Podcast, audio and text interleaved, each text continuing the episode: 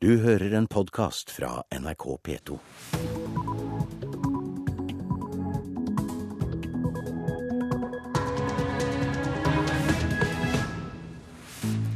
Klokka er 6.30. Velkommen til Nyhetsmorgen med Anne Jetlund Hansen i studio. Dette er hovedsakene våre nå. SAS har godtatt tilbudet fra de norske SAS-flygerne. Nå gjenstår underskriften fra to fagforeninger. De israelske angrepene mot Gaza fortsetter på sjette døgnet. Og sykehusene er mye bedre enn sitt rykte. Det mener arbeidsgiverforeningen Spekter.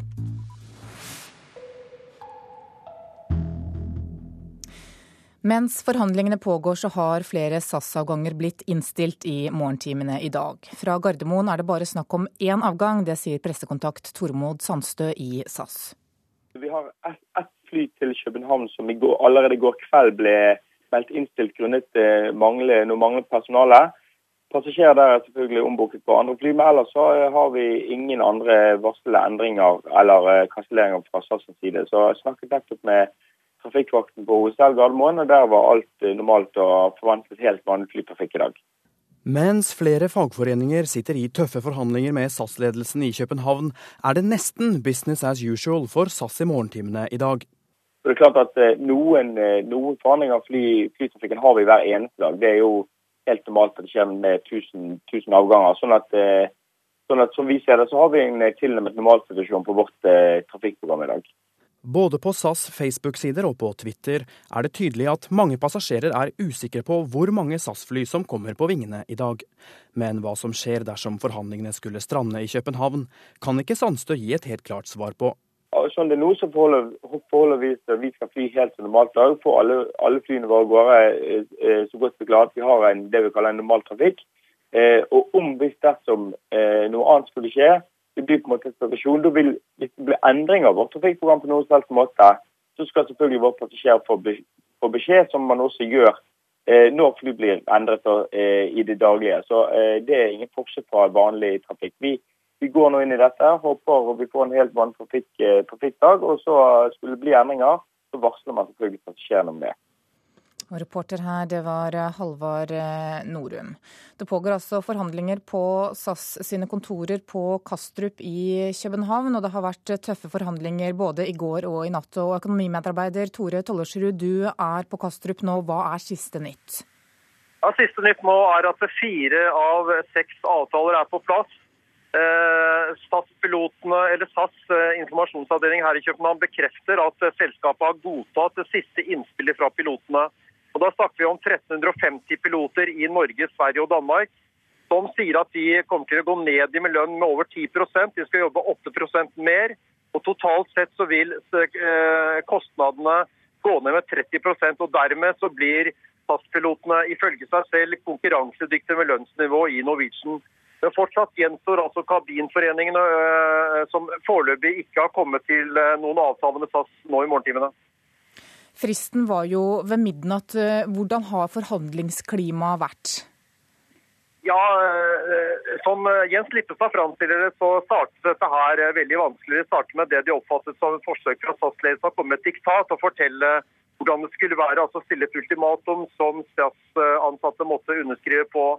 Senere så har det da tydeligvis kommet inn i en reell forhandling, i en dialog som har gjort at de har eh, til slutt da klart å nærme seg hverandre såpass mye at de nå eh, sier at de er eh, enige. Du var jo inne på hva denne avtalen med pilotene innebærer, men for noen av de andre fagforeningene som har skrevet under, så virker det som om de ikke har vært helt fornøyde. Hva vet du om disse andre avtalene som ble inngått tidligere i natt? Jeg tror nok at det gjennomgående er at folk ikke er fornøyde når de må gå ned i lønn og jobbe mer og få dårligere pensjonsordninger.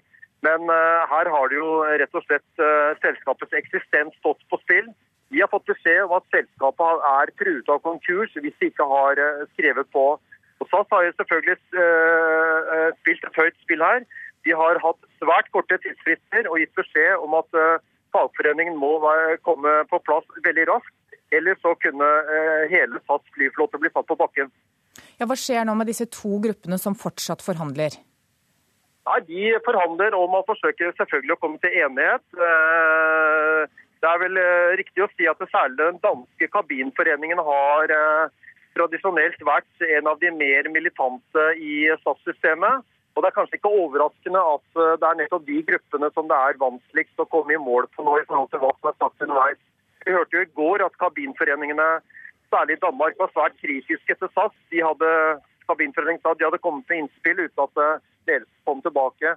Så klimaet mellom kabinforeningen og SAS-ledelsen har ikke vært uh, det beste. Men helt kort til slutt, Er det nå satt noen frist for hvor lenge de kan fortsette å forhandle med disse to siste gruppene? Jeg føler meg ganske sikker på at SAS uh, gjerne vil være i mål, i hvert fall til børsene åpner uh, klokka ni. Takk til deg, økonomimedarbeider Tore Tollersrud, som også er på Kastrup, der SAS-forhandlingene pågår i København. Da skal vi til Gaza, for der er tre mennesker drept i nye luftangrep fra Israel i natt. Og i dag skal det gjøres nye forsøk på å få i stand en våpenhvile. Det er mørkt i Gaza, men plutselig lyser himmelen opp. Israel sender nye raketter inn over det lille landområdet. Flere blir drept i morgentimene. I alt 80 personer er drept siden krigen blusset opp igjen i forrige uke. I går var det verst med over 30 dødsofre. I dag gjør FNs toppsjef Ban Ki-moon et forsøk på å få i stand en våpenhvile mellom Hamas og Israel. Ban Ki-moon skal til Egypt, der han skal møte Egypts nye president Mohammed Mursi.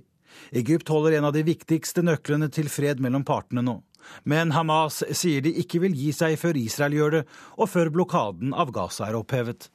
Og det sa utenriksreporter Øyvind Nyborg. Midtøsten-korrespondent Sigurd Falkenberg Mikkelsen, hvordan har natten vært i Gaza der du er? Det har vært en uh, ny natt her i Gaza med intens, intense bombeangrep. Uh, det jeg har hørt, har kommet fra den israelske marinen. Jeg er usikker på hva slags mål de har gått etter, men uh, rakettene har hvert artillerigranaten har i hvert fall fart forbi her. Eh, fra palestinsk side så har jeg ennå ikke fått noen eh, tall på hvor mange raketter de har skutt ut. Uh, I går, var det, altså søndag, så var det 75 raketter. Det er færre enn de har gjort uh, tidligere. Når det gjelder antall skadde her, så får vi høre fra palestinske kilder at ni palestinere er drept i nattens angrep. Fem av de i Rafa sør i landet, og tre i Zaitun, en bydel her i Gaza by. Hva gjør innbyggerne i Gaza nå for å holde motet oppe? De uh, prøver så godt de kan å uh, holde seg i live, først og fremst. Uh, det er en stor redsel her. Eh, for hva som eh, kan skje. Men også bare det å leve med disse luftangrepene er i seg selv en eh, utrolig stor belastning. Det har i tillegg vært noen meget lave overflyvninger med F-16. Og i dette klimaet som er nå med konstante eksplosjoner rundt omkring, så frykter jo folk det verste. Så de holder seg innendørs. Prøver å hamstre det de kan av mat, i tilfelle dette blir en lang konflikt. Egypt er jo blant dem som nå jobber for å få til en våpenhvile. Hvor kjapt kan det skje, tror du? Vi får litt motsetningsfylte signaler fra Kairo, eh, naturlig nok. Eh, det er eh, en komplekse forhandlinger underveis. Vi hører at det er en israelsk utsending som da har kontakt med egypterne via militære etterretningsvesenet. Det er jo den delen av Egypt Israel har kontakter med. Den, politiske ledelsen er det, den nye politiske ledelsen er det liten kontakt med. Eh, og noen kilder her i eh, Gaza, eh, bl.a. Ramzi Hamad, en Hamas-leder, har sagt til Al Jazeera at 90% av en avtale er klar, mens en annen palestinsk leder fra de palestinske selvstyremyndighetene, Nabil Shahat, sier at de ikke har kommet så langt, og at kravene ikke er forenlig mellom partene. Eh, men vi får se her.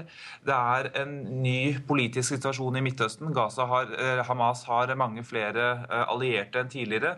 Og de er nok også med på å påvirke situasjonen.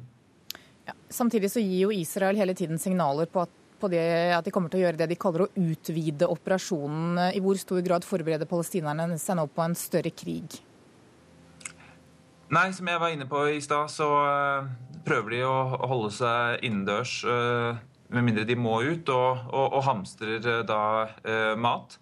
Når det gjelder Israels oppbygging, så er man folk også litt delt i Gaza.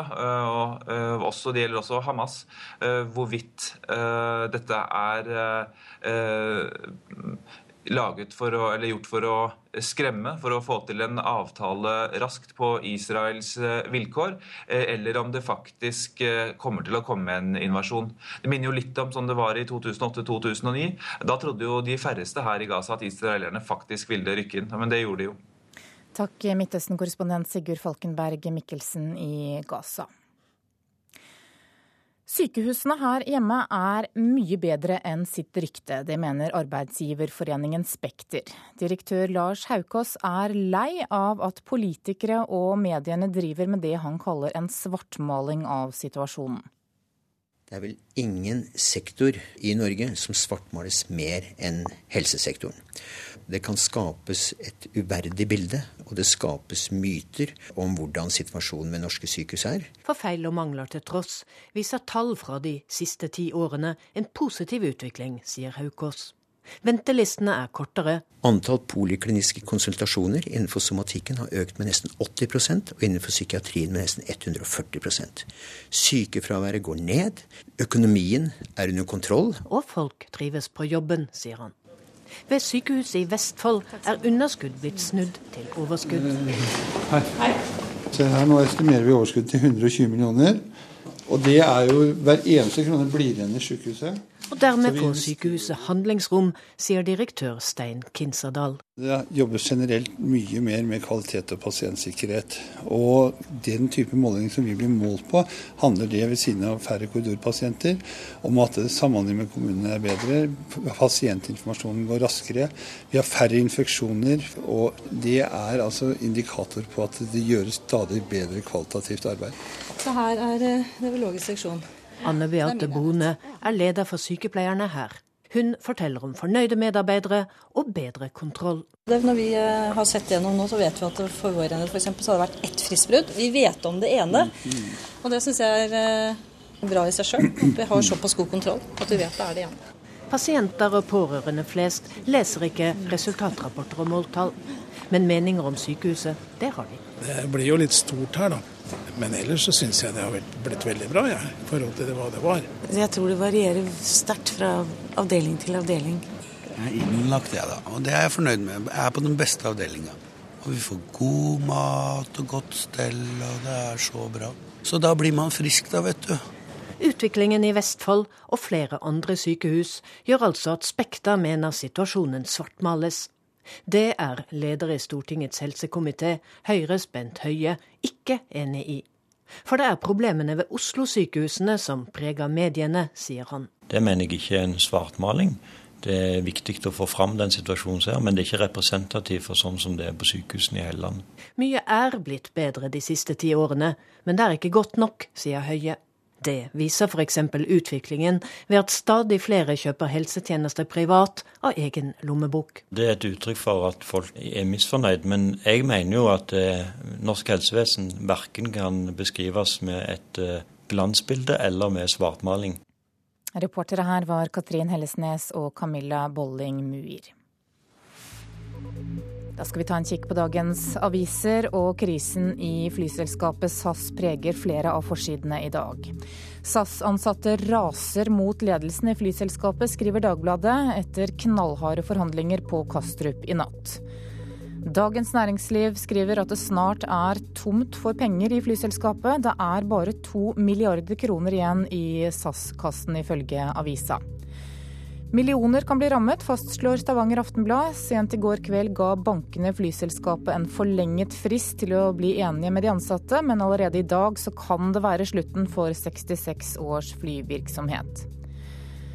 Kripos-sjefen må svare for lang tabbeliste etter 22.07 i fjor, skriver Aftenposten. I dag skal Reidar Humlegård forklare seg for Stortingets kontrollkomité.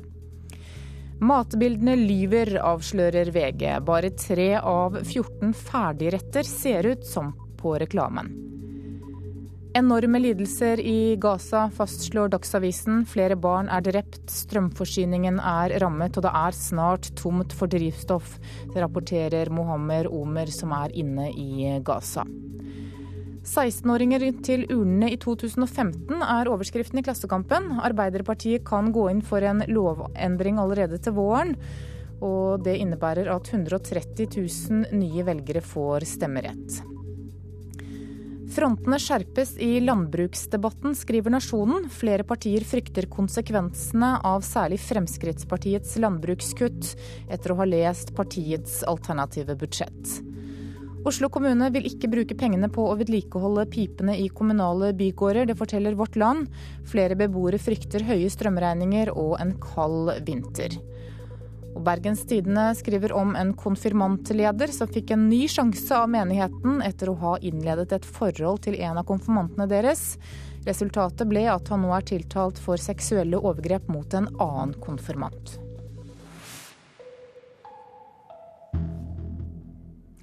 Skal det handle om fotball. Turbulens og dårlig økonomi er blant årsakene til at Fredrikstad fotballklubb ryker, rykker ned fra Eliteserien. Det sier en av spillerne, Ole Jørgen Halvorsen. I går ble det klart at klubben rykker ned etter å ha tapt 0-2 for Molde. Alle ledd i klubben må ta ansvaret, det sier Halvorsen. Vi har hatt et turbulent år, eh, både på og utenfor banen. Spillerne har ikke prestert eh, bra nok. Eh, samtidig som vi ikke har hatt eh, nok kontinuitet rundt laget. Og med alle mann så mener du både spillere, støtteapparat og ledelse? Ja, alt eh, får ta sin del av dette her. Det ville seg ikke for FFK mot Molde. FFK måtte vinne, men Molde var rett og slett et bedre lag. Nå holdt FFK 0-0 helt til sluttminuttene, men da skåret Molde to ganger, og snipp, snapp, snute for FFK. Her er førstedivisjon. Ole Jørgen Halvorsen sier også at den økonomiske situasjonen i FFK har påvirket spillerne. Den økonomiske biten har jo vært eh, tøff, det vet vi alle sammen. Og det har nok eh, vært med å påvirke litt. Men Halvorsen mener at FFK-laget var for godt til å rykke ned. I utgangspunktet har vi jo hatt hele veien egentlig ganske et bra lag. Da. Jeg syns ikke vi skal rykke ned. Vi har visst at vi spiller på høyde med mange av lagene hele tida. Men vi har liksom ikke den kontinuiteten, og liksom den, vi har liksom ikke prestert over en tid. da. Og sportssjef i Fredrikstad fotballklubb Joakim Jonsson innrømmer at de har jobbet for dårlig i klubben i år. Målet er å rykke opp så snart som mulig, men da må organisasjonen styrkes, sier Jonsson. Vi må først og fremst forsterke den sportslige organisasjonen. Altså, nå tenker jeg ikke bare på spillere, men rundt laget også. Der har vi vært altfor få. Det skal vi gjøre. Så det tror jeg er det aller viktigste for at vi skal kunne lykkes. Reporter her, det var Trond Johnsen. Du hører på Nyhetsmorgen i NRK P2 og Alltid nyheter. Klokka er 6.48. Dette er hovedsaker i nyhetene nå. SAS-ledelsen mangler nå underskrift fra to fagforeninger. Og mens forhandlingene pågår er flere SAS-avganger innstilt nå i morgentimene. Etter seks døgn med israelske angrep er 80 palestinere drept, ifølge palestinske myndigheter. Svartmaling av sykehussituasjonen skaper usanne myter. Det mener arbeidsgiverforeningen Spekter.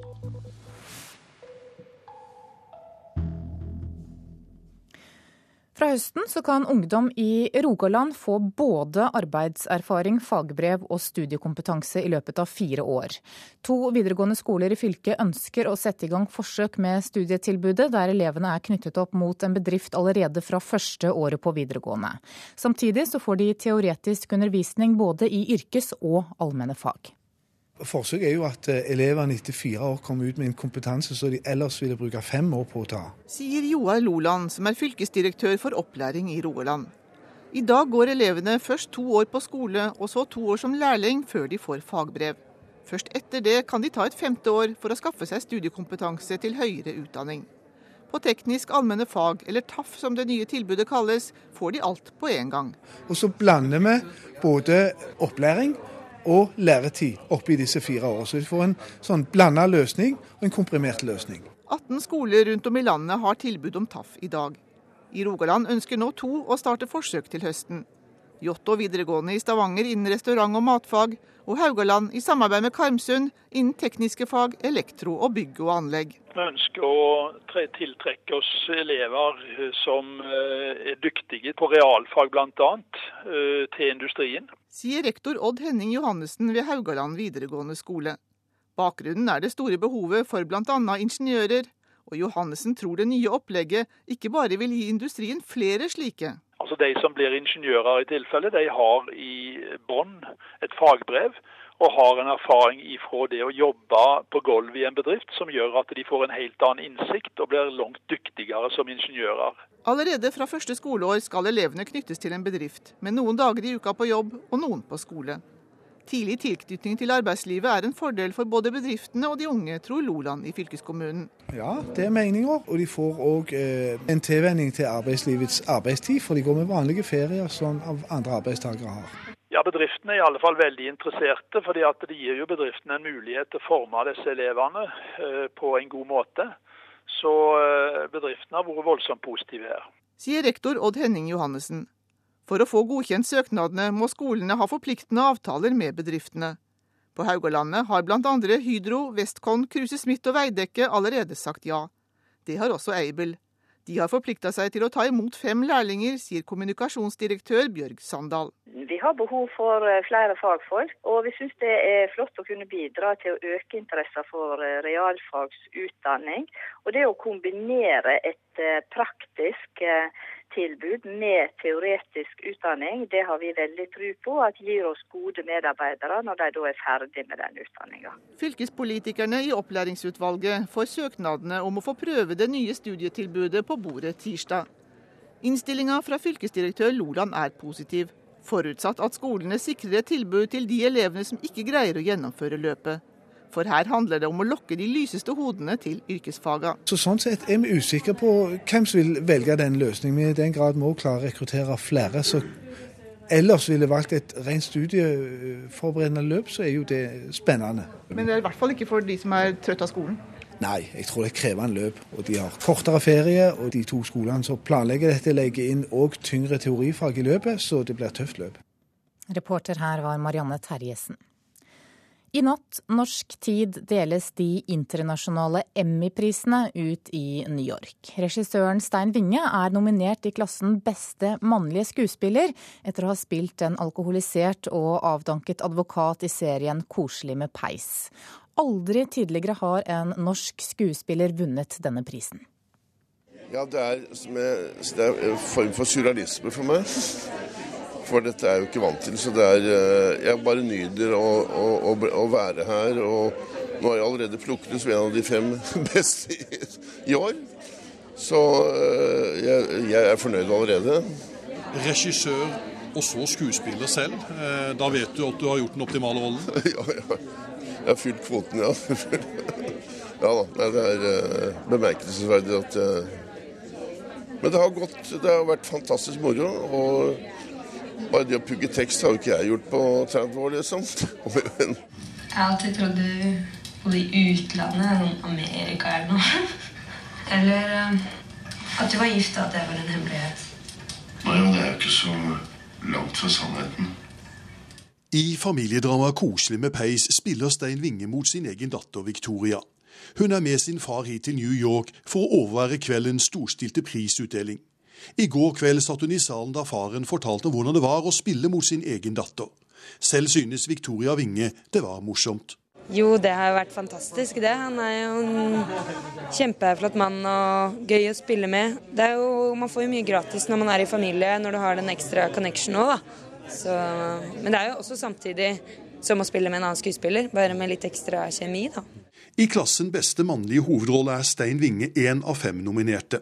I kvinneklassen er det danskene som har sluppet gjennom nåløyet med skuespiller Sitze Babette Knutsen for sin rolle som dansk statsminister i TV-serien Borgen, som har vært vist på NRK. I natt norsk tid skjer prisutdelingen her i New York.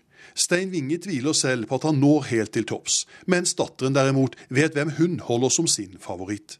Jeg tror selvfølgelig at pappa vinner. Selvfølgelig. Jeg kan ikke tro noe annet. Nei. Om jeg får den, er det sensasjon, syns jeg. For meg. Som jeg sa, at jeg har jo ikke noe, egentlig noen plass i kofferten til å ta dem hjem. Så. Bare en gang tidligere har en norsk skuespiller blitt nominert til Emmy-prisen.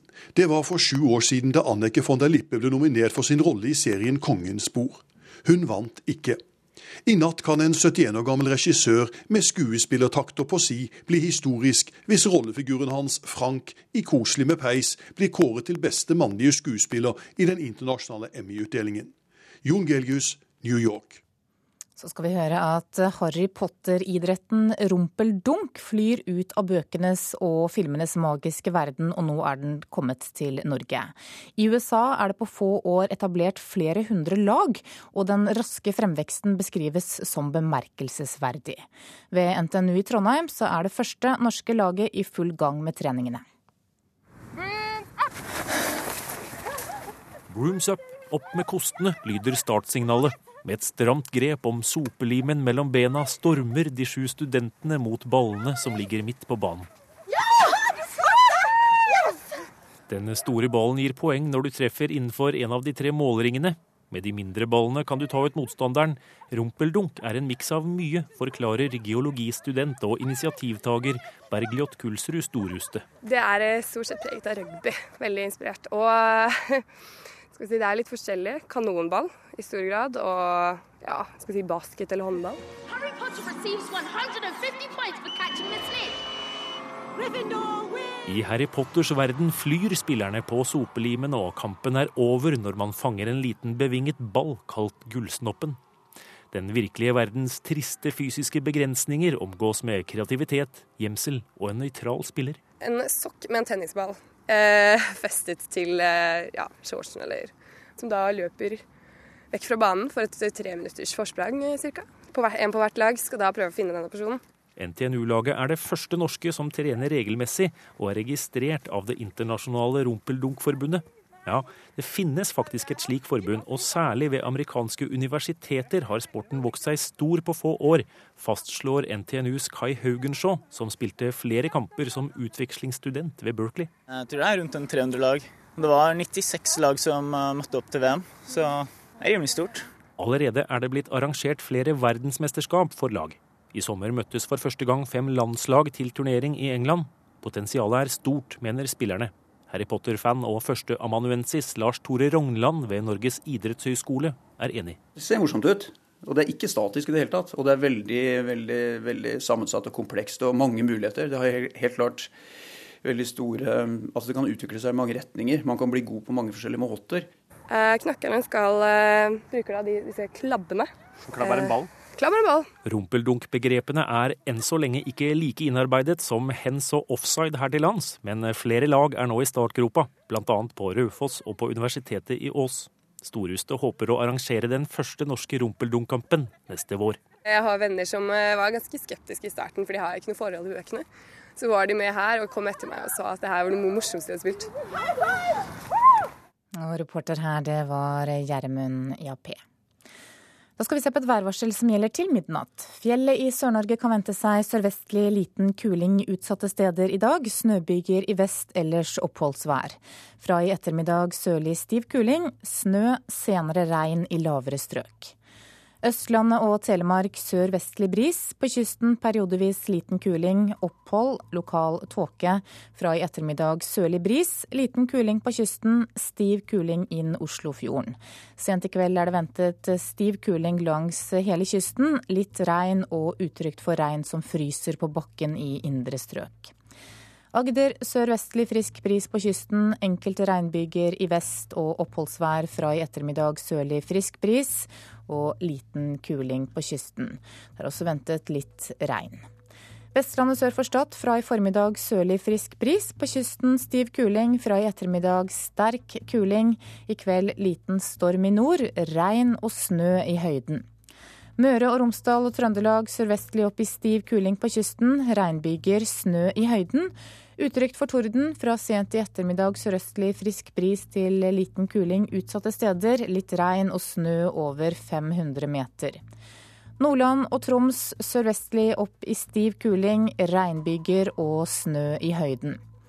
Kyst- og fjordstrøkene i Vest-Finnmark kan vente seg nordvestlig liten kuling i dag. I kveld stiv kuling, ellers regn og sluddbyger.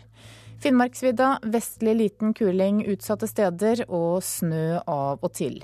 I Øst-Finnmark er det ventet sørvestlig liten kuling utsatte steder i dag. Fra i ettermiddag stiv kuling i øst. Litt sludd. I kveld nordvestlig stiv kuling på kysten, og ellers regn og sluddbyger.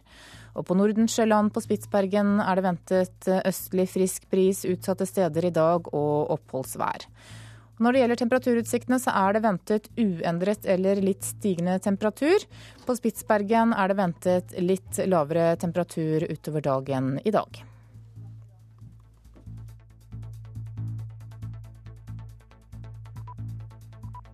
Du hører en podkast fra NRK P2.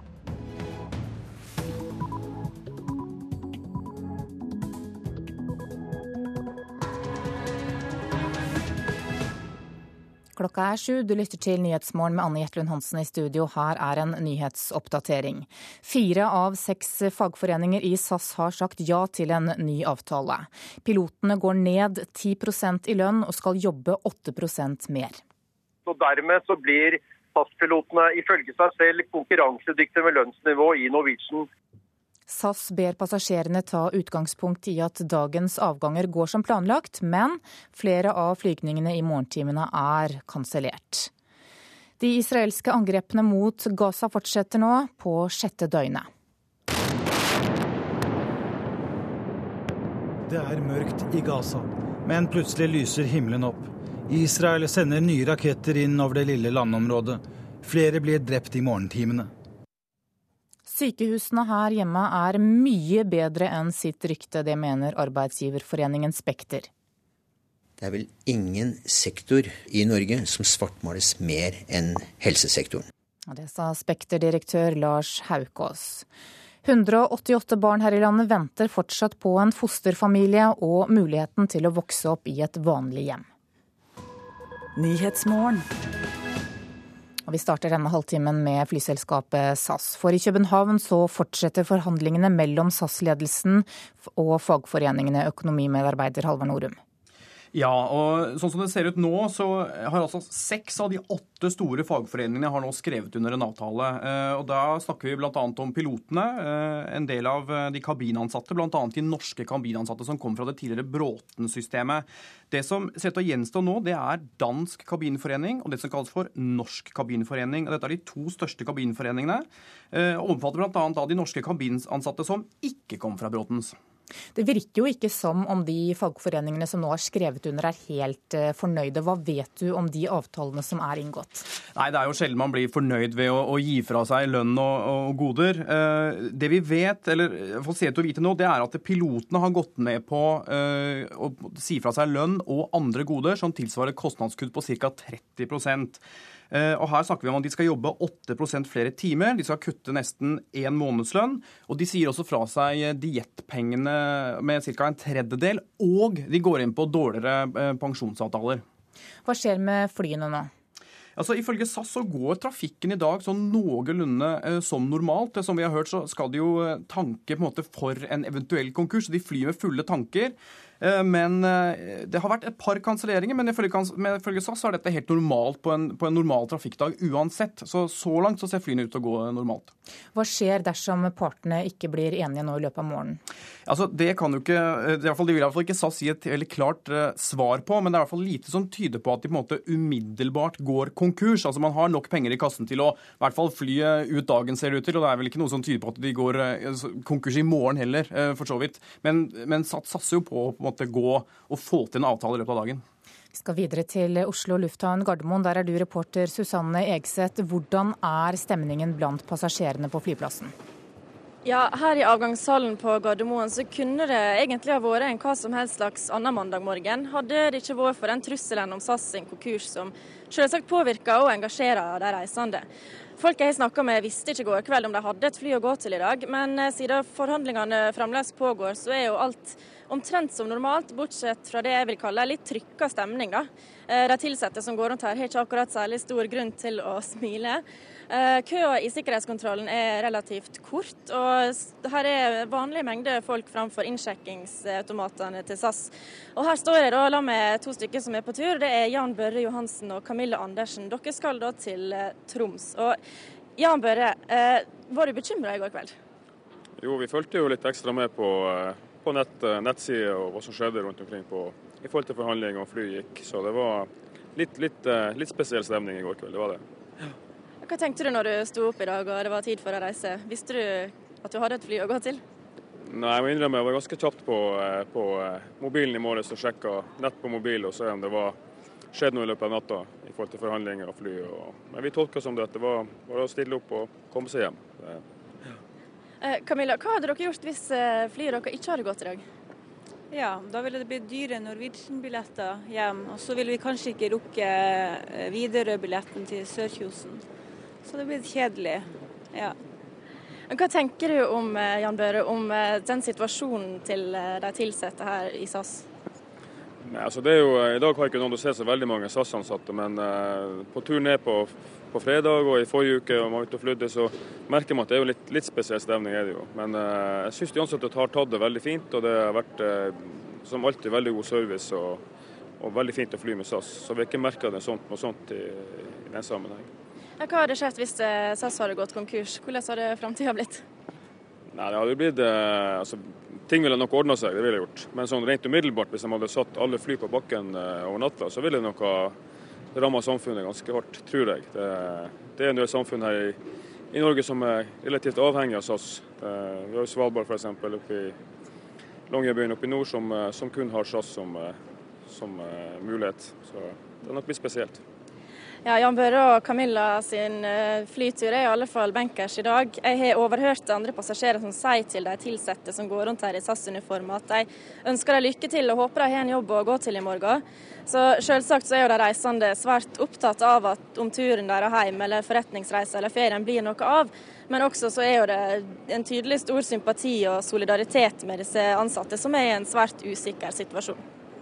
Over til deg, økonomikommentator i NRK Steinar Medios. De SAS-ansatte får altså sympati av passasjerene. Hvordan kunne utviklingen i selskapet gå så galt? Den har gått eh, galt over veldig lang tid. Eh, selskapet er organisert på en måte som var hensiktsmessig i 1948. Den er også eiet på en måte som var hensiktsmessig den gangen. Dvs. Si at f.eks. alle flygninger ut av Norden skulle så å si gå ut fra Kastrup. Kastrup var huben. Det er i dag den største arbeidsplassen.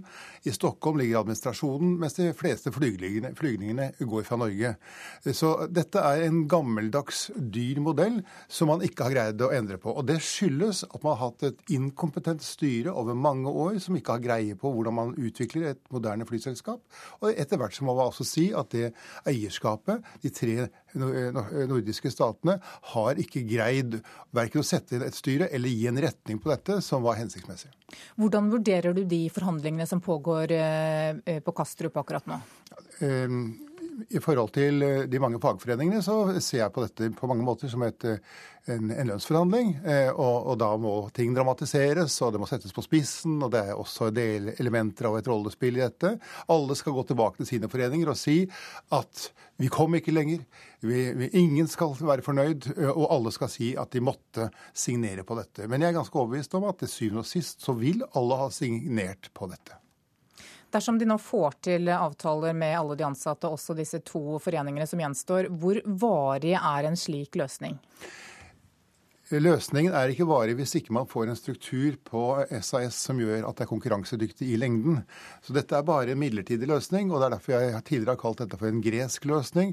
Eh, man løser egentlig ikke problemet, man lapper på noe som egentlig må endres mer fundamentalt. Hva med videre, hvor raskt kan det bli solgt? Akkurat nå tror jeg at eh, den norske stat eh, tenker grundig gjennom muligheten av å kjøpe ut eh, Widerøe, for det ville vært en fordel å kjøpe ut Widerøe før eventuelt SAS går konkurs. Widerøe er veldig viktig for den norske infrastrukturen i, i, i Distrikts-Norge. Widerøe er dels subsidiert av den norske stat, både direkte som flyselskap, men også fordi at man gjennom Avinor subsidierer kortbanenettet i Norge. Så her, hvis man kan få ut dette og reorganisere dette, så vil det veldig mye være være vunnet når det gjelder altså infrastrukturen i Norge. Ja, Hva vet du om det som pågår av forhandlinger eh, for å få til et salg nå? Det er jo flere måter å gjøre dette på. Hvis Næringsdepartementet De har jo muskler til å gjøre dette. Det er ikke at den norske stat mangler penger til å gjøre det. Eh, så kunne man jo gjøre det alene, f.eks. direkte gjennom Avinor. Man kunne gjort det i samarbeid med de som har vært interessert, f.eks. piloter. Eh, jeg merker meg at Bråten, eh, arvingene av dette gamle arbeidet i det norske flyselskapet, de er også interessert. Så det er flere som er, som er interessert. Men det vil nok være hensiktsmessig at staten har et fast grep om noe som staten har så stor interesse interesse av, og som også staten investerer så mye i hvert eneste år. Takk til deg, økonomikommentator her i NRK, Steinar Mediås. Medios. Nå skal vi over til Midtøsten. I Gaza er flere drept etter nye rakettangrep fra Israel nå i morgentimene. Utenriksreporter Odd Karsten Tveit, du er i Jerusalem, og vi er inne i sjette dag av denne krigen. Hvor langt er Israel vilje til å gå? Foreløpig har de ikke bestemt seg eh, om de skal fortsette bare bombingen, eh, eller om de skal gå inn med bakkestyrker. Nå virker det som om diplomatiet arbeider bak kulissene. Og israelske regjeringen de kan i dag våkne opp til en, en, en, en meningsmåling som viser at de har mer enn 90% av israelske jøder bak seg når det gjelder å eh, støtte eh, bombingen av Gaza-stripen. Men bare 30 er med å godta en bakkeinvasjon. Slik at Så langt har den israelske regjeringen ifølge opinionen gjort det eneste riktige. Ja, Hva får denne meningsmålinga å si for utviklingen videre, tror du? Israelsk politikk er ofte innenrikspolitikk, og særlig nå foran en valgkamp. Valget skal etter planen eh, pågå, pågå i, i, eh, gjennomføres i januar. Og eh, selv om alle nå støtter dette, så vet også statsminister eh, Benjamin Netanyahu og eh, forsvarsminister Barak at nå skal det bare til en liten feil til, så kan hele opinionen snu. Det har vi sett tidligere. Folket støtter kriger, men med en gang det går litt galt, så snur de. Så vi vet nok at eh, vi vet ikke ennå hva som skjer. FNs toppsjef ber jo om en umiddelbar våpenhvile. Hvordan blir det tatt imot i Israel?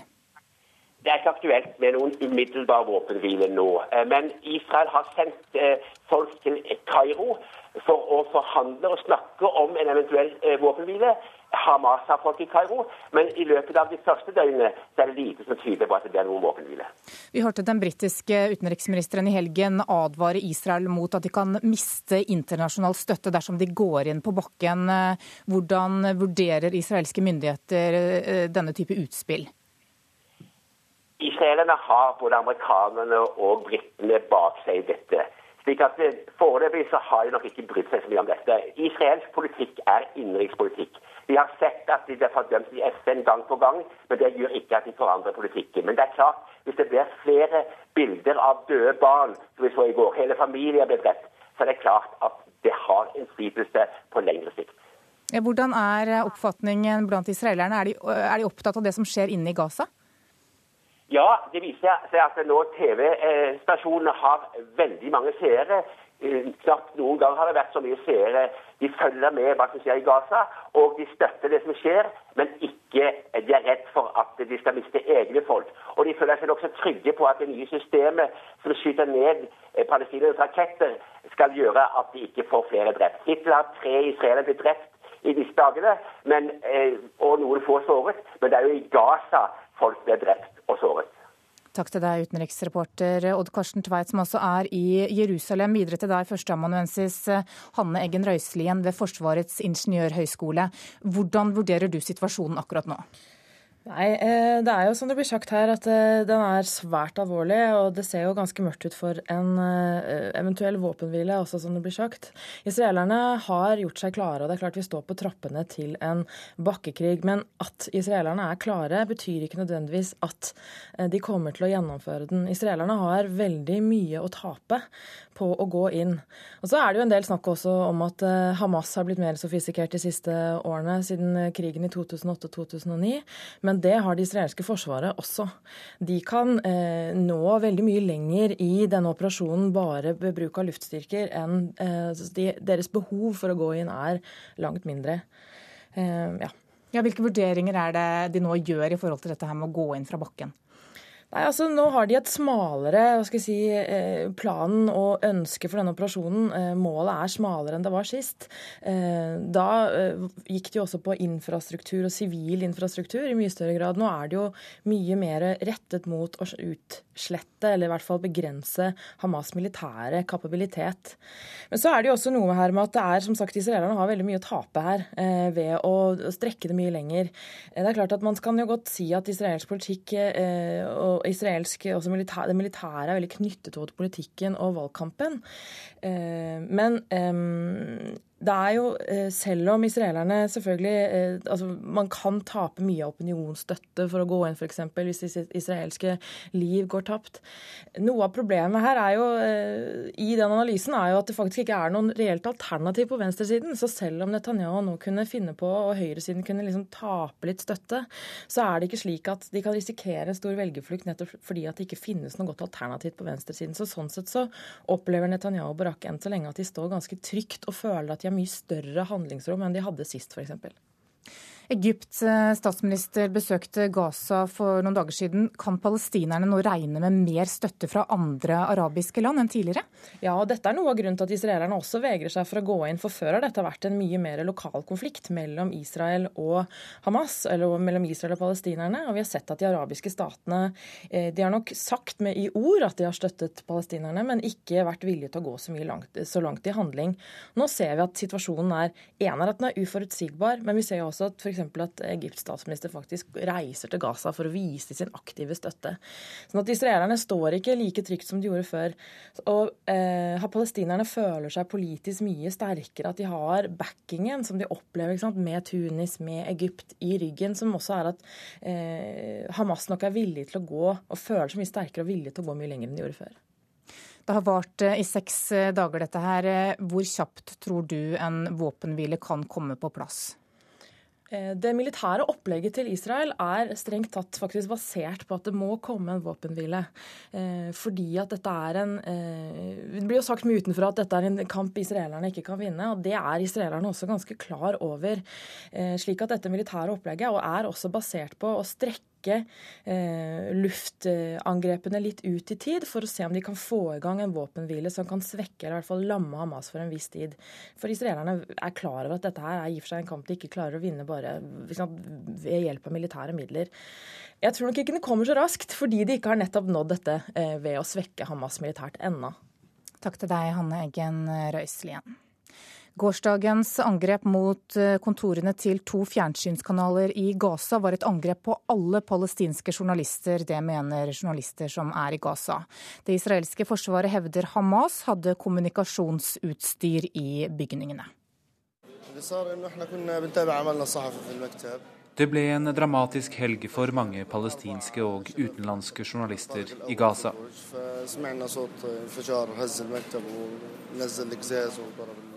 Klokken var to på morgenen. Vi var i første etasje og hørte en stor eksplosjon. Kontoret ristet og vinduene ble knust. Vi skjønte det var i ellevte etasje, så vi gikk opp for å se. Så kom vi ned igjen. Og så kom enda en eksplosjon, forteller Ayman Shtewi, nettjournalist i Safa News Agency. I alt var det fire raketter. De to siste kom 20 minutter etterpå, mens de ventet på ambulanser, forteller han. Israel gjennomførte i går to angrep mot mediehus i Gaza. I tilfeller Stevi forteller om, siktet de seg inn på Al-Quds, en islamistisk TV-kanal med Hamas-sympatier.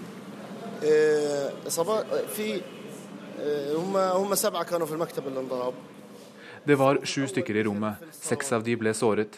Én fikk mange splinter i kroppen. Taket ramlet ned på benet til en annen. Han måtte amputere, var også stygt forbrent. De andre ble lettere skadet, forteller Stewi.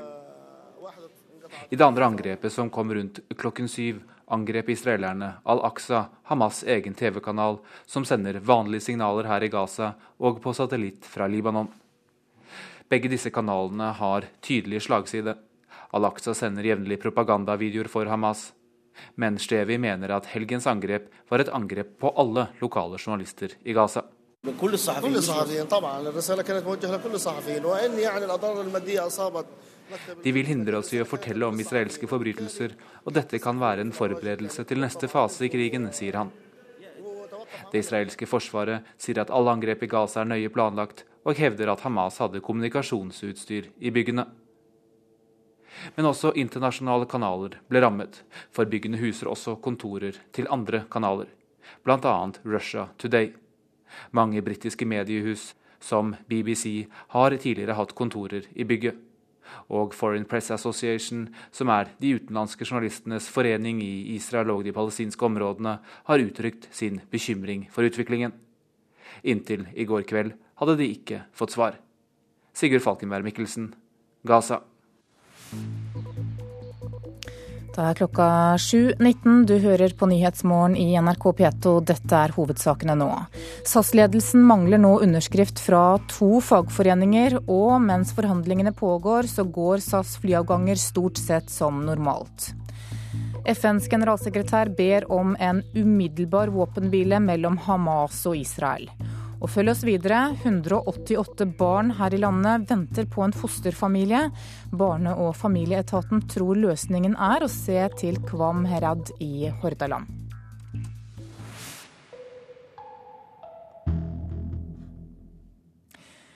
Det aller meste av verdens fossile ressurser må forbli i bakken dersom ikke revolusjonerende renseteknologi rulles ut i stor skala.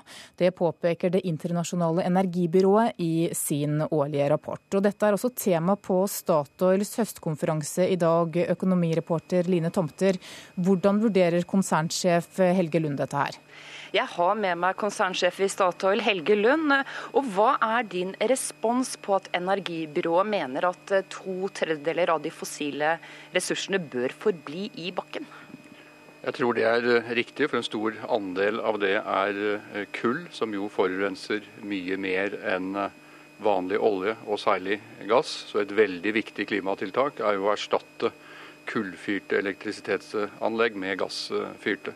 Men når det gjelder olje og gass, der vil dere ha fullt kjør?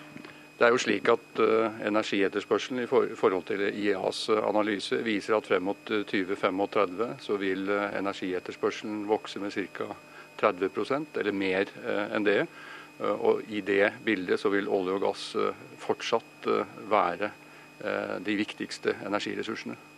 Eh, på dette seminaret i dag, eh, Det internasjonale energibyrået de mener vel også at en god del av olje og gassen bør forbli i jorda. Hvorfor, hvorfor syns du det er viktig nå å få opp all den olje og gass man kan på, på ganske kort tid?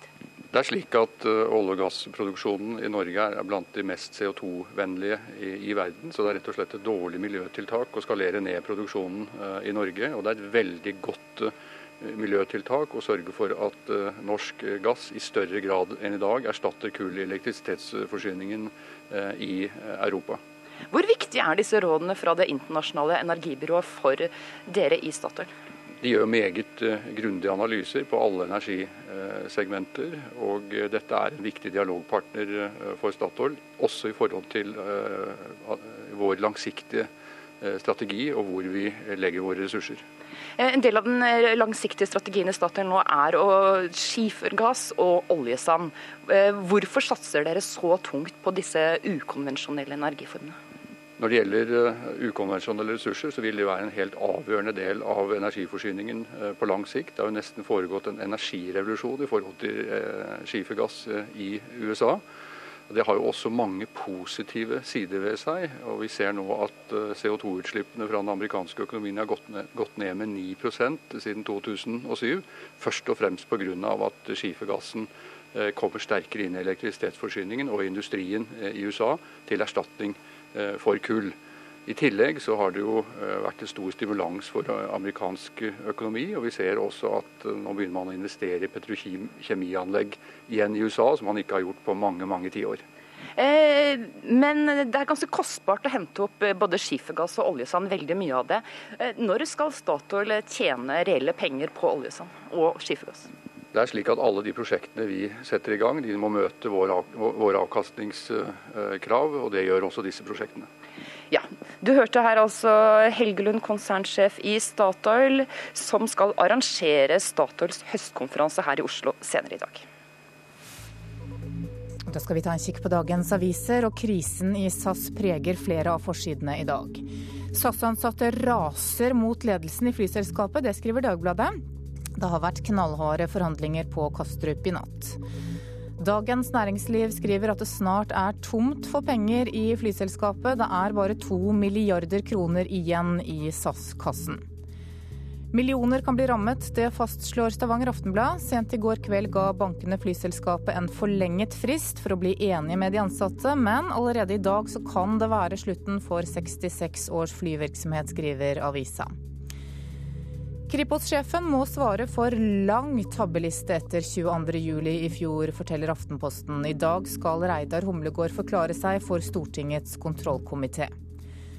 Matbildene lyver, avslører VG. Bare tre av 14 ferdigretter ser ut som det gjør i reklamen. Enorme lidelser i Gaza, fastslår Dagsavisen. Flere barn er drept, strømforsyningen er rammet, og det er snart tomt for drivstoff. 16-åringer til urnene i 2015 er overskriften i Klassekampen. Arbeiderpartiet kan gå inn for en lovendring allerede til våren, noe som innebærer at 130 000 nye velgere får stemmerett. Frontene skjerpes i landbruksdebatten, skriver Nasjonen. Flere partier frykter konsekvensene av særlig Fremskrittspartiets landbrukskutt, etter å ha lest partiets alternative budsjett. Oslo kommune vil ikke bruke penger på å vedlikeholde pipene i kommunale bygårder. Det forteller Vårt Land i dag. Flere beboere frykter høye strømregninger og en kald vinter.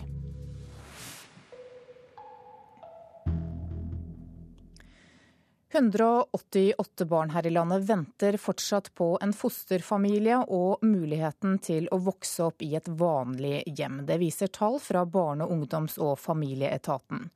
Og nå tror de løsningen er å se til Kvam herad i Hordaland.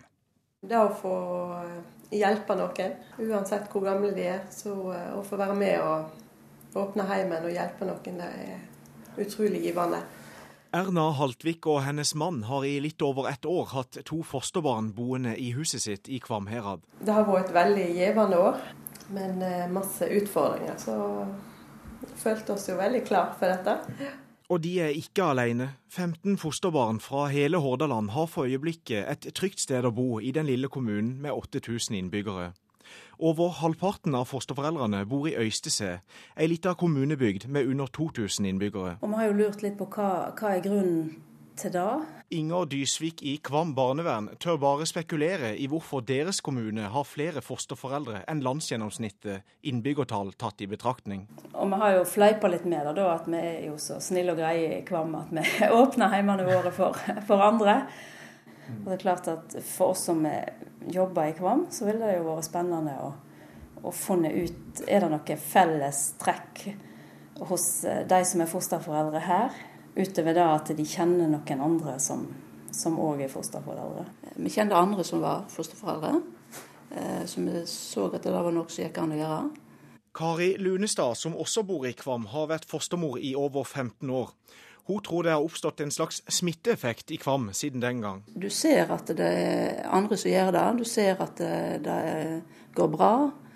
Eh, så blir ikke det blir kanskje ikke så skremmende å ta på seg en sånn oppgave. Lunestad har derfor brukt mye tid på å dele sine erfaringer, både privat og i regi av det lokale barnevernet. Jeg har jo gjort det. Det er jo både sånn eh, venner- og omgangskrets som spør litt. Og, og jeg har òg vært på en del kurs for fosterforeldre og snakka litt om hvordan det er å være fosterforeldre og fosterhjem. Ja, Da blir jeg kjempeglad. Det syns jeg er en uh, kjempestor innsats. Børge Tomter er seksjonssjef for fosterhjem i Barne-, ungdoms- og familieetaten. Dem som har gode erfaringer med å ha fosterbarn, og som snakker om det i sitt nettverk, de klarer å, å få andre uh, potensielle fosterforeldre til å melde seg. Tomter mener det gode arbeidet som blir gjort med å dele erfaringer i Kvam og på Vestlandet for øvrig, er verdt å se nærmere på for å kunne rekruttere flere fosterforeldre på landsbasis. På Vestlandet så ser vi at de er svært flinke til å rekruttere eh, slekt- og nettverksfosterhjem. Eh, og det tenker jeg at Der har vi et stort potensial å, å hente flere fosterforeldre også, ved å bruke slekt og nettverk i større grad enn vi klarer i dag. Vi vet at det er flere som, som ønsker å bli fosterforeldre, og da er det viktig for oss å få tak i de. Fosterbarnet til Kari Lunestad, Benedikte, har nå blitt 18 år og myndig. Nå venter en spennende tid med høyere utdanning og kanskje militæret. Kommer sikkert til å flytte litt rundt, men jeg ender vel sikkert opp her. Til slutt? Ja. Er du sterkt knytta til, til hjemplassen? Ja, altså jeg har ikke noe forhold til noen andre plasser, så Og jeg kaller nå mammapappen for mammapappen. De er mammapappen. Og reporter her, det var Kristian Langenes. Du hører på Nyhetsmorgen i NRK P2. Den neste halvtime nå så blir det først eh, Dagsnytt 7.30 ved Ida Creed. I dagens utenriksreportasje etter det så handler det om at i Tyskland så diskuteres det nå om det er andre vestlige firmaer enn Ikea som har benyttet seg av tvangsarbeid i det tidligere DDR. Og så får du Politisk kvarter ved Bjørn Bø. Produsent for sendinga i dag heter Elin Pettersen, og her i studio Anne Jetlund Hansen. Du hører en podkast fra NRK P2. Fagforeningene går med på store kutt for å redde SAS. Ikke det vakreste som har skjedd i skandinavisk arbeidsliv, sier pilotleder. FNs generalsekretær ber om en umiddelbar våpenhvile mellom Hamas og Israel. Gaza-krigen er inne i sitt sjette døgn. Her er NRK Dagsnytt klokken 7.30. Alle pilotene i SAS er enige med selskapet om en ny avtale. Dermed gjenstår underskriften fra to fagforeninger i selskapet for å unngå konkurs. Nå skal SAS-pilotene gå 10 ned i lønn og jobbe 8% mer. Leder i de norske SAS-flygernes forening, Jens Lippestad, sier forhandlingen ikke er det vakreste som har skjedd i skandinavisk arbeidsliv. Og nå er han usikker på hva medlemmene synes om avtale. Ja, det, det, er vi jo litt spente på. Vi har jo fått ufattelig mange innspill under hvert. Det er, det er delte meninger, det er jeg ikke i tvil om. Men vår intensjon har jo hele tiden vært å, å berge arbeidsplassene for oss og for alle de andre i SAS. Og det må være det vi fokuserer på. Det har, det har vi gjort det vi kan til for å få til. Så jeg håper at de tar det at de, tar, at de blir glad for det, selv om det er et, et grusomt dårlig lønnsoppgjør. Økonomimedarbeider Tore Tollersrud, du er ved SAS-kontoret på Kastrup i København og har fulgt forhandlingene i hele natt. Hva gjenstår nå? Nei, Fortsatt så gjenstår to foreninger, og det er norsk og dansk kabinforening. Utover det så har altså SAS klart å komme til avtale med alle de øvrige foreningene. Det betyr at dette dramaet rundt SAS framtid fortsetter en stund til. Men er det grunn til å tro at det går mot en løsning nå? Ja, jeg vil tro det. I og med at så mange andre har kommet på plass, så er det grunn til å tro at også kabinen skriver under til slutt. Det er klart de er satt under et voldsomt press. Det er ikke lett for en fagforening å godta nedgang i lønn, og i tillegg så skal man jobbe mer. Vet du noe om hvordan forhandlingsklimaet nå er for de gruppene som står igjen? Nei, Vi har jo hørt Lippestad her fortelle at dette har ikke vært uh, noe spesielt uh, pent, som han sier. Det har vært, uh, De føler at de har blitt stilt med ryggen mot veggen, blitt stilt ultimatum til. Det har blitt forhandlet under svært kort, korte tidsfrister.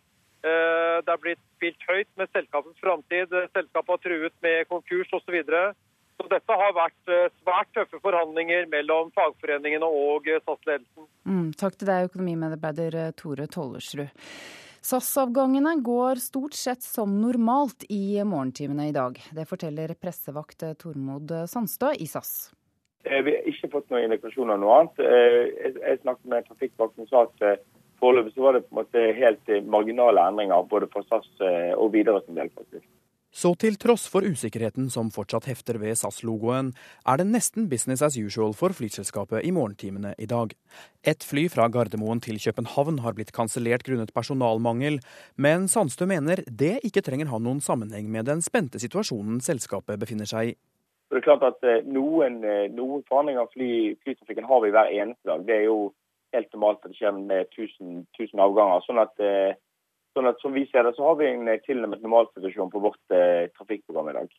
Både på SAS sine Facebook-sider og på Twitter er det tydelig at mange passasjerer er usikre på hvor mange SAS-fly som kommer på vingene i dag. Men beskjeden fra SAS er altså at trafikken foreløpig går med bare små endringer. Men hva som skjer dersom det ikke skulle bli noen endelig løsning i København i dag, nei det kan ikke Sandstø gi noe helt klart svar på. Om hvis dersom eh, noe annet skulle skje, det blir på. Da vil, hvis det blir endringer av vårt trafikkprogram på noen selvs måte, så skal selvfølgelig vår passasjer få, beskjed, som man også gjør eh, når fly blir endret eh, i det daglige. Så eh, det er ingen forskjell fra vanlig trafikk. Vi, vi går nå inn i dette. Håper vi får en helt vanlig trafikk, eh, trafikkdag. Og så skulle det bli endringer, så varsler man selvfølgelig det skjer noe med. Reporter her var Halvard Norum. Reporter Susanne Eggseth, du er på Gardermoen. Hvordan er eh, stemningen blant eh, passasjerene på flyplassen der? Ja, Her i avgangshallen på Gardermoen så begynner det å ta seg opp med flere og flere passasjerer. Tidligere i dag så var det ganske trykka stemning, men det kan jo være fordi det var veldig tidlig. Eh, rundt oss nå så er det masse folk, og jeg står i sikkerhetskontrollen i køa faktisk, i lag med Olaug Boje Hansen og Ørnulf Boje Hansen. Og dere skal på ferie, Olaug? Ja, vi skal på en meget forsinket uh, sommerferie til Roma. Har du vært bekymra for at den turen ikke kommer til å bli noe av? Ja, litt. Særlig etter dette bråket begynte, da. Så, men i går var vi veldig spente. Vi satte oss ned og så på Dagsrevyen, og ja, vi tenkte at en rå blir det vel. Du da, Ørnulf, har du hatt trua på denne turen? Om jeg hadde? Er du hatt trua på at denne turen kommer ja, til å bli noe? Ja, jeg tror det går bra. Jeg er litt reddere for hjemkomsten, for det er om en uke, og da kan ting ha skjedd. Så vi velger jo ikke SAS neste gang, tror jeg. Hva du tenker Olaug, om situasjonen til de ansatte nå? Tror du det ordner seg? Jeg vet ikke hva jeg skal si. Ja det, ja, det kan vel ordne seg, men det kan vel koste ganske mye penger, dette her. Og jeg syns det er en urettferdig lønns, et urettferdig lønnsoppgjør. Det er ikke lønnsoppgjør, da, men godene kunne vært fordelt litt annerledes. Det mener jeg. Eh, da skal jeg sende Olaug og Ørnulf eh, til Roma og komme ut av sikkerhetskontrollen, som det da er ganske stor eh, kø på og stort trykk. Takk til deg, reporter Susanne Egseth fra Gardermoen. FNs generalsekretær ber om en umiddelbar våpenhvile mellom Hamas og Israel. Krigen er nå inne i sin sjette dag, og flere er drept nå i morgentimene. Det er mørkt i Gaza, men plutselig lyser himmelen opp. Israel sender nye raketter inn over det lille landområdet. Flere blir drept i morgentimene. I alt 80 personer er drept siden krigen blusset opp igjen i forrige uke. I går var det verst med over 30 dødsofre. I dag gjør FNs toppsjef Ban Ki-moon et forsøk på å få i stand en våpenhvile mellom Hamas og Israel. Ban Ki-moon skal til Egypt, der han skal møte Egypts nye president Mohammed Mursi. Egypt holder en av de viktigste nøklene til fred mellom partene nå. Men Hamas sier de ikke vil gi seg før Israel gjør det, og før blokaden av Gaza er opphevet. Sa utenriksmedarbeider Øyvind Nyborg. Midtøsten-korrespondent Sigurd Falkenberg Mikkelsen, du er i Gaza. Hvordan har natten forløpt? Det har vært en ny natt med tunge israelske angrep. Det jeg har hørt, har kommet fra den israelske eh, marinen som patruljerer eh, utenfor her. Jeg er litt usikker på akkurat hva de har skutt på. Noe har landet på et eh, jorde ikke så langt fra hotellet hvor jeg befinner meg, hvor det også skytes ut noen raketter, mens andre ting har gått over hodene på oss. I alt så er ni palestinere drept, inkludert fem i Rafa sør i landet nå i, i natt. Det jeg hører fra de israelske forsvarene er at det har vært gjennomført 80 eh, angrep, eh, og at det har vært skutt ut eh, syv raketter mot Israel fra palestinsk side. FNs toppsjef Ban Ki-moon ber altså om en umiddelbar våpenhvile. Virker det som det er muligheter for det? Eh, vi får en første indikasjon nå i timene som kommer. Eh, det er som oftest nå eh, palestinerne begynner å skyte raketter. Det har vært noe færre rakettutskytinger i går enn det har vært tidligere. Men det kommer motstridende signaler fra Kairo. Vi hører fra en Hamas-kilde at 90% av forhandlingene er unnagjort. En sentral PLO-figur sier at det ikke er svært sannsynlig at det kommer en våpenhvile. Sånn at det er vanskelige forhandlinger med, med mange parter involvert her. Takk til deg, Midtøsten-korrespondent Sigurd Falkenberg Mikkelsen fra Gaza. Så blir det fotball her i 7.30. Fredrikstad og Stabekk rykker ned, mens eh, Sandnes Ulf skal ut i kvalifisering. Det er klart etter 30 kamper i Eliteserien. Kvalikmotstander blir førstedivisjonslaget Ullensaker-Kisa. For to år siden rykket de nesten ned i tredjedivisjon. Neste år kan det bli eliteserie. Dette er et eventyr, sier trener Arne Erlandsen. Ja, det har jeg sagt før, og det er klart at det har ikke blitt noe mindre eventyr etter at vi har slått eh, både Sandefjord og Bodø-Glimt. Kaptein Truls Jørstad har vært med på hele oppturen. Og vært med på det. Det har vært eh, som jeg sa, fantastisk eh, gøy. Skulle Ullkisa rykke opp, blir det uten Arne Erlandsen. Treneren har ikke fått fornyet tillit hos ledelsen. Rart, synes mange. Ikke noe vondt blod, sier Erlandsen, som har fast bestemt på å avslutte Ullkise-karrieren med å slå Sandnes Ulf og føre de opp i Eliteserien. Ja, selvsagt, vi har jo ingenting å tape. Det er et, et nyopprykka Adecco-lag som kjemper om kvalik til, eller kjemper om tippeligaplass. Altså, vi har ingenting å tape. Og spillerne våre også, vi, vi ønsker jo å vinne fotballkamper. og det er, det er, ikke noe mindre ønske inni mitt hjerte enn det å vinne fotballkamper. Så vi skal gjøre alt vi kan. Reporter Patrick Stene Rolands. Ansvarlig for denne sendingen er Gro Arneberg. Teknisk ansvarlig Hanne Lunås. Jeg heter Ida Creed. Nyhetsmorgen fortsetter. I Tyskland diskuteres det nå om det er andre vestlige firmaer som har benyttet seg av tvangsarbeidskraft i det tidligere DDR. På fredag innrømmet den svenske møbelgiganten Ikea for første gang at den brukte tvangsarbeidskraft i fremstillingen av møbler i DDR, og saken har ført til en kraftig diskusjon om moral i internasjonal storindustri. Det var en merkelig seanse som fant sted på Berlinmurmuseet ved den gamle grenseovergangen Charlie her i Berlin på fredag. Møbelgiganten Ikea, som bare her i Tyskland har 46 kjøpesentre, hadde innkalt til pressekonferanse der landssjef Peter Betzel skulle legge fram resultatet av en rapport selskapet selv hadde bedt om, fra konsulentfirmaet Ernst og Young. Allerede før murens fall i 1989 kom de første påstandene om at Ikea hadde brukt tvangsarbeidskraft i sin produksjon i det tidligere DDR. Men selskapet har så langt stilt seg avvisende til påstandene, før nå på fredag. In einzelnen Produktionsstandorten und oder Zuliefererbetrieben der ehemaligen DDR wurden Sjefen for Ikea i Tyskland, Peter Betzel, måtte på pressekonferansen innrømme at det hadde vært tilfeller der tvangsarbeidere var satt til å lage møbler og andre produkter for Ikea i perioden fra 1978 fram til 1981.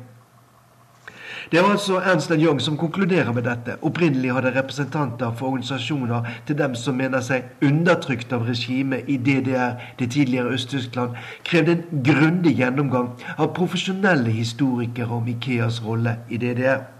Konsulentrapporten som ble lagt fram på fredag, var altså et kompromiss.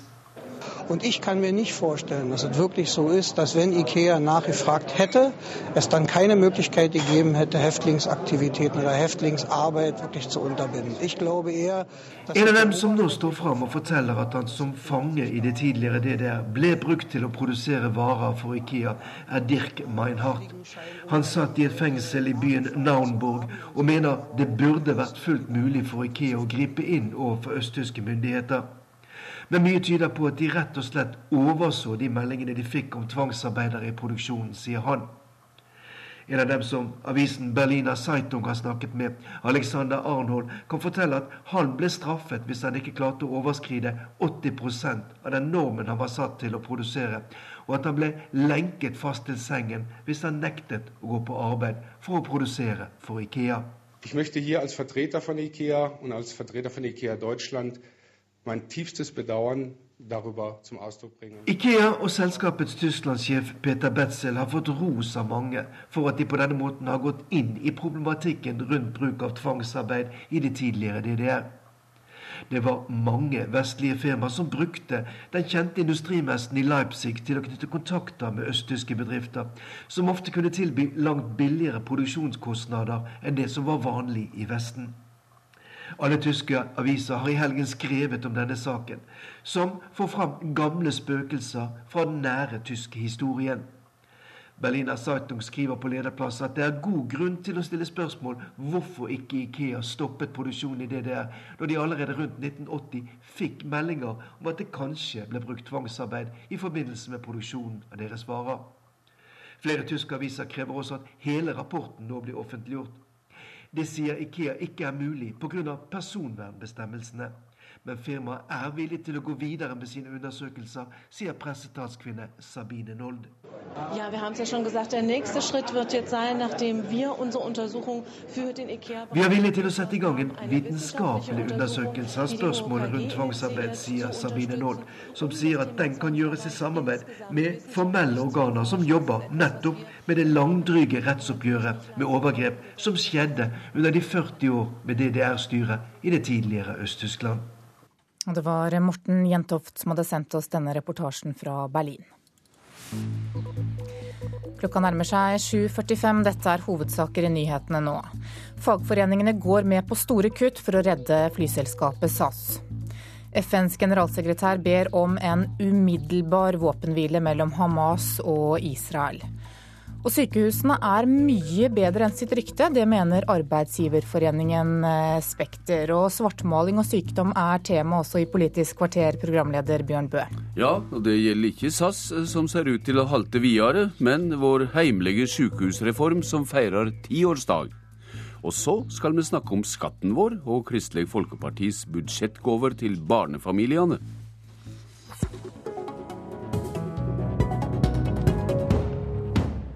Arbeidsgiverorganisasjonen Spekter holder i dag konferanse for å markere at den store sykehusreforma er ti år. I Nyhenda i dag har direktør Lars Haukås fortalt at det går bra, og at presse og politikere svartmåler tilstanden i helsevesenet. Hva sier du, parlamentarisk leder i Arbeiderpartiet, Helga Pedersen? Det vil jo alltid være sånn at eh, oppmerksomheten rettes mot de oppgavene som ikke er løst, og det som enda ikke fungerer godt nok. Og jeg mener vi skal være ydmyke overfor de oppgavene vi enda ikke har løst. Samtidig skal vi i dag glede oss over at vi har et av verdens beste helsevesen, og at det beveger seg i riktig retning, med flere som blir behandla, bedre behandling og ventetider som går ned. Ja, for du har ikke glemt den dype uroa rundt sykehusa i Oslo-regionen? Nei, og det er jo eh, et uh, eksempel på at uh, vi fortsatt har ting igjen som må løses på en bedre måte. Men resultatene etter ti år med sykehusreform er jo at et av de største omstillingsprosjektene i Fastlands-Norge nå begynner å gi resultater, og det kommer pasientene til gode. Særlig dem som er rammet av alvorlige kreftsykdommer, og som har bedre mulighet til å overleve i dag enn for noen år siden. Nestleder i Høyre, Bent Høie, du er også leder for helse- og omsorgskomiteen i Stortinget. Mange flere pasienter blir handsama, og ventetida går nå ned, forteller statistikken. Hvorfor er du fremdeles kritisk? Jeg tror at pasientene gir en veldig god diagnose for eh, norsk helsevesen. De sier jo at de er fornøyd i møte med de som jobber på sykehusene, men stort sett òg veldig fornøyd med det tilbudet de får. Men de er misfornøyd med organiseringen. Eh, og det tror jeg er en god, en god beskrivelse. Det er jo riktig at uh, ventetiden har begynt å gå litt ned igjen, men det er jo fra den stigningen som har vært under den rød-grønne regjeringen. I realiteten så har hele reduksjonen i ventetid og ventelister som, for, som har foregått etter denne sykehusreformen, de foregikk i de fire årene vi hadde en Høyre-sentrumsregjering. Men det som er problemet med dagens uh, organisering med de regionale helseforetakene, det er at de har fått uh, altfor mye politisk makt. Beslutninger som burde vært besluttet av mennesker som er valgt av folket, og ikke av ansiktsløse byråkrater, foretas nå i foretaksstyrer. Og det er altfor mange glavalag for de som jobber på sykehusene. For mange eh, ledere over de før det tas eh, beslutninger. Eh, og så fører det til mye byråkrati. Det er for mange som har tittelen direktører i dette systemet. Så Høyre sin løsning er å flytte mer makt ned til de lokale sykehusstyrene, la de bli reelle styrer for sykehusene, og så flytte politikken opp der den hører hjemme, i Stortinget og i regjering. Er det ikke en teknisk sak du snakker om nå? Ja, det er jo veldig mye. Jeg tror ikke det er dette som, som er mest avgjørende for at vi har, eh, får et godt eh, helsevesen eh, framover. Det er andre ting, men dette òg betyr mye i forhold til å få en bedre organisering.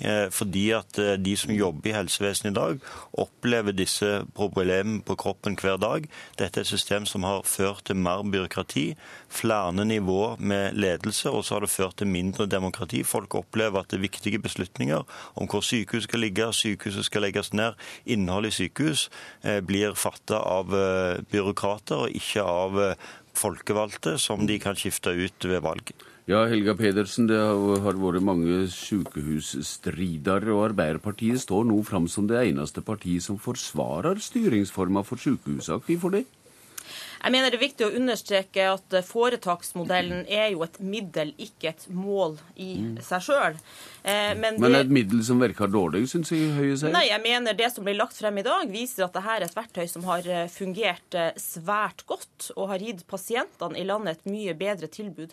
Det er jo sånn at norske sykehus i dag behandler 1,4 millioner flere mm. pasienter enn i 2005, og samtidig går ventetida ned. Og vi tar i bruk ny teknologi, nye medisinske muligheter, og sykehusene investerer i fremtida. Og så skal ikke jeg si at denne eh, modellen er perfekt, og at det ikke finnes mangler ved den. Og jeg mener vi skal mm. justere og tilpasse det som ikke eh, fungerer.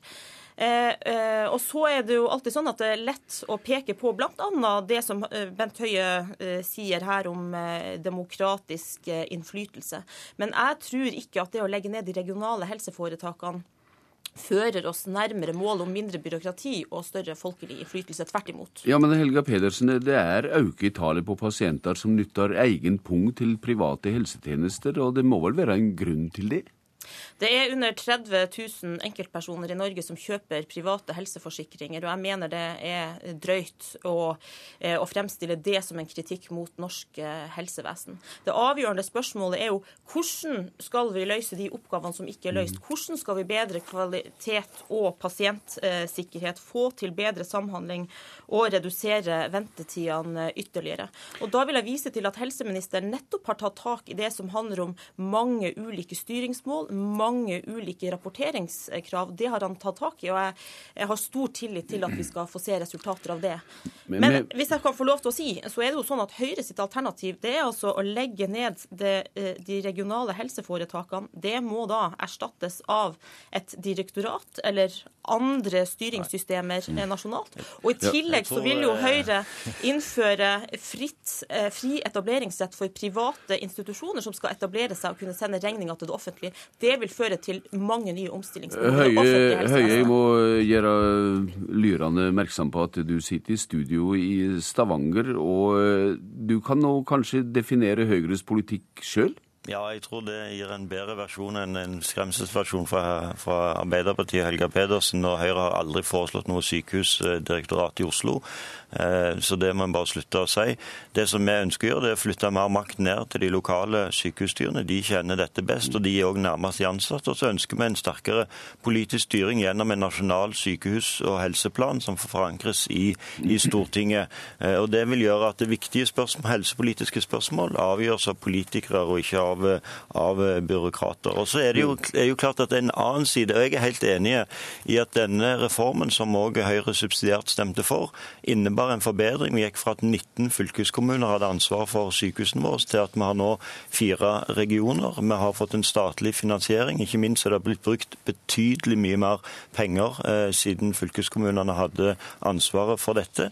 Men det burde vært et eh, skremmende for Arbeiderpartiet å registrere at ikke bare er det 30 000 som har private helseforsikringer, det er over 200 000 som har det gjennom arbeidsgiver, men det verste er at aldri før har så mange i Norge måttet brukt av egen lommebok, altså betalt direkte, for å få helt nødvendige helsetjenester. Vi har altså fått et mye mer todelt helsevesen i Norge.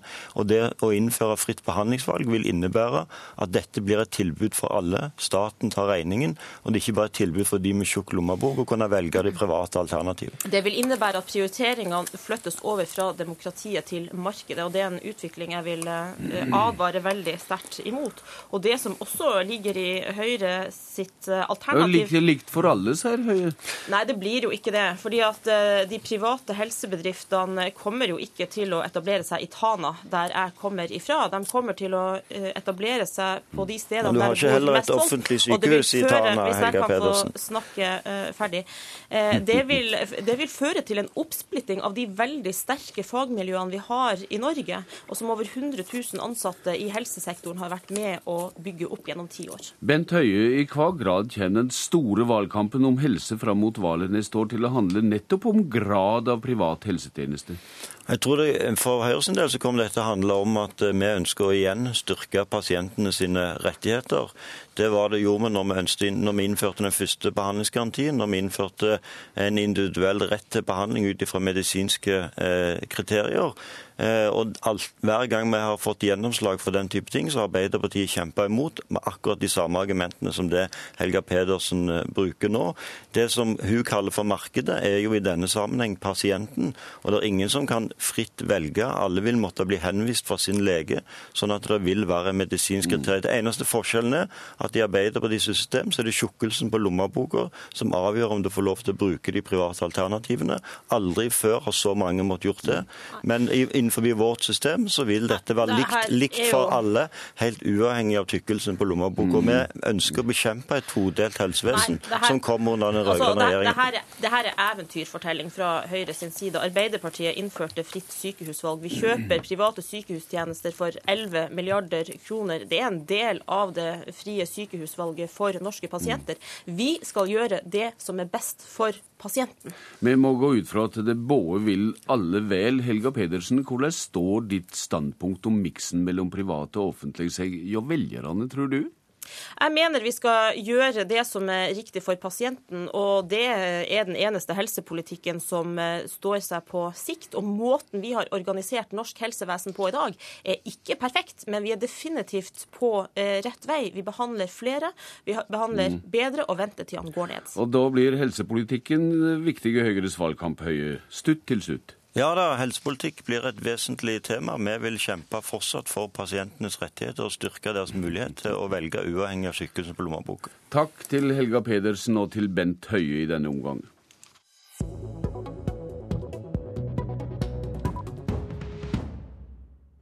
Etter at de store møllesteinene i opposisjonen, Høyre og Fremskrittspartiet, la fram sine alternative budsjett i førre veka, er det i dag Kristelig Folkepartis tur. Her er det ei anna type skattelette enn hjå de to store. Kristelig Folkeparti vil anna gi skattelette på 4,5 milliarder kroner til barnefamiliene, men samla skal skattenivået ligge fast. Hvordan henger dette sammen, finanstalsmann og parlamentarisk leder Hans Olav Syversen? Jo, det henger veldig godt sammen. Dette er veldig god eh, KrF-politikk Eh, vi vet at er det noe som har sakket akterut, så er det barnetrygd og andre ytelser som er viktig for at vi skal få barn i dette landet, og det er vi helt avhengig av. Så vi foreslår gjennom dette budsjettet et nytt barnefradrag på 5000 kroner per barn. Og de som ikke kan dette, få dette fradraget i skatten, de skal få det i kontanter. Dette gjør vi fordi vi ser hvordan realverdien av barnetrygden har sakket akterut hvert eneste år gjennom mange år. Så dette er veldig god KrF-politikk, og det er en form for skattelette som jeg tror mange vil være enig i. Det har mange framlegg om styrking av eldreomsorg, skole, bistand og politi, mellom anna. Men det er langt fram til Høyres framlegg om 5 milliarder kroner i skattelette. og Hvordan skal de få finansiering av dette til å gå i hop med Høyre, og ikke minst Fremskrittspartiet, som også vil være med videre etter valget i 2013? Ja, nå sitter jeg jo ikke her med noen verken fra Høyre eller Fremskrittspartiet, så jeg kunne jo ikke begynne å forhandle Nei, med dem nå. Men nei. jeg tror eh, Høyre og Fremskrittspartiet meget vel vet våre prioriteringer. Vi ønsker å gi skattelettelser både til barnefamilier vi ønsker å gi skattelettelse for de som sparer til sin egen bolig, til sin egen pensjon. Vi ønsker å gi skattelette til de som gir penger til frivillige organisasjoner. Og så tror jeg vi skal, hvis det blir eh, snakk om det, sette oss ned med andre partier for å se hva vi kan bli enige om. det. Men nå legger vi fram KrFs alternativ, og da tror jeg folk flest regner med at det er KrF-politikk som kommer. Men Hvordan grunngir du da at Kristelig Folkeparti ikke ser den samme trongen for allmenn skattelette som Høyre til dømes? Ja, Det er jo rett og slett fordi at Kristelig Folkeparti og Høyre er ikke samme parti. Vi er to ulike partier. og vi, Når vi snakker om skattelette, så er det veldig viktig for oss hva er det vi bruker skatteletten til. Det er ikke bare spørsmål om nivå, men hva vi ønsker å få fram i politikken. Og vi har sagt da at de som bygger opp under frivilligheten, de som sparer til sin bolig, de som ønsker å drive bedrifter videre, det er den type skatteletter som vi prioriterer. Og Skulle det komme til et samarbeid, så får vi ta en diskusjon på hvor det skal eh, komme til syvende og sist. Syversen, hva er det som fremdeles er viktigste drivkrafta for dykk for et regjeringsskifte, når det ser på den økonomiske politikken høvesvis på høyresida og regjeringssida, og spriken? Jeg tror en skal være såpass eh, ærlig og si at hvis en ser på økonomisk politikk, så er forskjellen fra ytterste høyre til ytterste venstre, i hvert fall i internasjonal målestokk, ganske liten. Så for Kristelig Folkeparti ligger nok eh, behovet for et regjeringsskifte på litt andre områder. Vi ser en regjering som nå marsjerer mot et sorteringssamfunn, f.eks. Det vil være av de viktigste grunnene for oss for å få et regjeringsskifte og sette en stopper for den slags. I avisa Vårt Land lørdag skriver sjefredaktør Helge Simones sitat Tenk om mellompartiene kunne bli enige om et felles mål. Ingen av dem skal i regjering i 2013. Da kan sentrum gjenreises i norsk politikk. Sitat slutt. Kan det, Syversen, være en konstruktiv tanke på bakgrunn av det budsjettspriket vi har snakka om? Vi er selvfølgelig alltid åpne for at sentrum skal samle seg, men nå er det jo sånn at Senterpartiet har bundet seg til den rød-grønne masta, og da går vi for et regjeringsskifte, og det gjør vi for å få til mer KrF-politikk. Og jeg vil anbefale alle å se litt på KrFs alternative budsjett, så får de mye god KrF-politikk der. Og slik vil altså du styrke sentrum på ditt vis, Hans Olav Syversen. Takk til deg. I dag legger altså Kristelig Folkeparti fram sitt budsjettframlegg. Politisk kvarter er slutt. Jeg heter Bjørn Bø. Du har hørt en podkast fra NRK P2.